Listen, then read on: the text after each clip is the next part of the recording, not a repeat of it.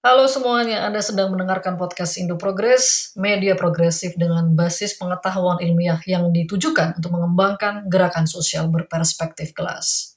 Bagaimana menurutmu perdebatan yang terjadi selama ini seputar kasus penembakan enam orang anggota FPI oleh polisi? Ya, menurutku sih ini adalah hal yang perlu dicermati terkait secara politik ya, karena sepertinya uh, rezim yang berkuasa sekarang uh, tengah berubah perlakuannya terhadap uh, kelompok seperti FPI ini. Karena selama ini kita kita anggap selalu ada hubungan patronase antara uh, elit dengan uh, FPI namun di era Jokowi ini relasi patronase ini mengalami perubahan.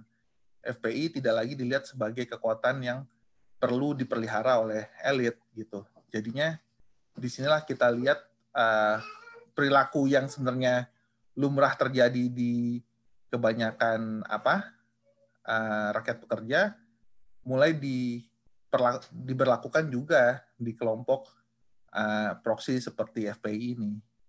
Nah, yang yang perlu kita cermati di sini adalah kita perlu keluar dari cara pikir legalistik walaupun tentu penembakan ini perlu harus dikecam ya karena uh, ada korban warga negara di sana, tapi kita nggak bisa melihatnya sebatas pada problem hukum semata. Di sini ada proses ada uh, proses politik yang juga perlu kita perhatikan. Dari situ kemudian bagaimana seharusnya kita mengambil posisi dalam kasus ini? Iya, kalau bagi saya ya, uh, tentu analisanya dimulai dari memahami akar politik uh, organisasi seperti FPI ini. Sudah jelas FPI adalah organisasi yang dibentuk oleh elit yang digunakan elit untuk uh, istilah simpelnya mementungi kelompok-kelompok uh, masyarakat sipil yang dianggap bertentangan dengan agenda politik elit gitu. Tapi tentu dengan adanya uh, fenomena sekarang, elit sudah mulai melihat uh, ketidakperluannya terhadap organisasi terhadap FPI gitu. Karena FPI ini dalam pandangan mereka tidak lagi berguna secara politik gitu. Dan ini saya pikir terkait juga dengan adanya perubahan orientasi di rezim itu sendiri.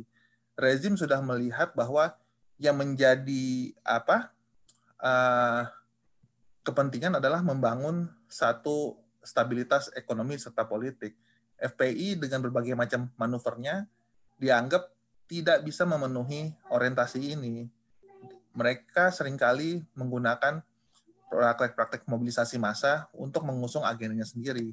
Dan ini tentu dianggap uh, ancaman, bahkan bertentangan dengan agenda yang dimiliki oleh elit yang berkuasa sekarang. Jadinya nggak heran kemudian elit menganggap bahwa FPI perlu didisiplinkan gitu dan implikasinya kita bisa bisa lihat uh, dengan adanya pemberlakuan apa ya uh, hukuman terhadap para pimpinan FPI sekarang. Jadi di satu sisi saya melihatnya uh, posisi gerakan kiri harus adalah mengapresiasi sebenarnya karena uh, perubahan ini menunjukkan bahwa praktek uh, intoleransi yang dilakukan oleh FPI sudah tidak lagi dianggap berguna buat elit tapi tentu apresiasi ini tidak bisa dilakukan dengan uh, semangat cek kosong dalam arti kita nggak bisa melakukannya secara membabi buta gitu. Kita juga perlu harus memperhatikan bahwa praktek membungkakan FPI oleh negara sekarang harus didasari dalam koridor HAM gitu. Uh, karena karena apa? Karena kita tahu uh, kalau dia tidak dalam dalam koridor HAM sudah pasti praktek pembuangan ini hanya bersifat sementara. Sedangkan yang kita butuhkan sekarang adalah praktek pembukuan yang sistematis terhadap kelompok-kelompok yang membatasi kebebasan demokratis masyarakat sipil lainnya, praktek intoleransi agama, praktek intoleransi uh, kebebasan berserikat yang selama ini dilakukan oleh organisasi seperti SPI itu juga harus dibatasi secara sistematis gitu. Jadi implikasinya adalah dia nggak bisa hanya berlaku pada FPI, FPI semata. Dia juga mulai harus diberlakukan kepada kelompok-kelompok lain yang sering kali menjadi proksi bagi kepentingan elit. Misalkan saya sebut sebagai pemuda Pancasila. pemuda Pancasila itu memiliki semangat yang sama untuk melakukan praktek intoleransi kebebasan gitu. Jadinya dalam pandangan saya kita harus mendorong uh, apa pembatasan aktivitas organisasi intoleran seperti FPI itu dalam koridor hak asasi manusia. Implikasinya adalah kita nggak bisa membatasi pembungkaman organisasi intoleran ini pada FPI semata. Semua organisasi yang kita anggap bertentangan dengan semangat uh, toleransi, semangat kebebasan dan juga semangat untuk uh, apa berbeda secara demokratis itu juga harus uh, diberlakukan gitu. Jadinya di sinilah kita melihat perlunya uh, perspektif politik serta hukum khususnya terkait dengan hukum yang berdasarkan hak asasi manusia.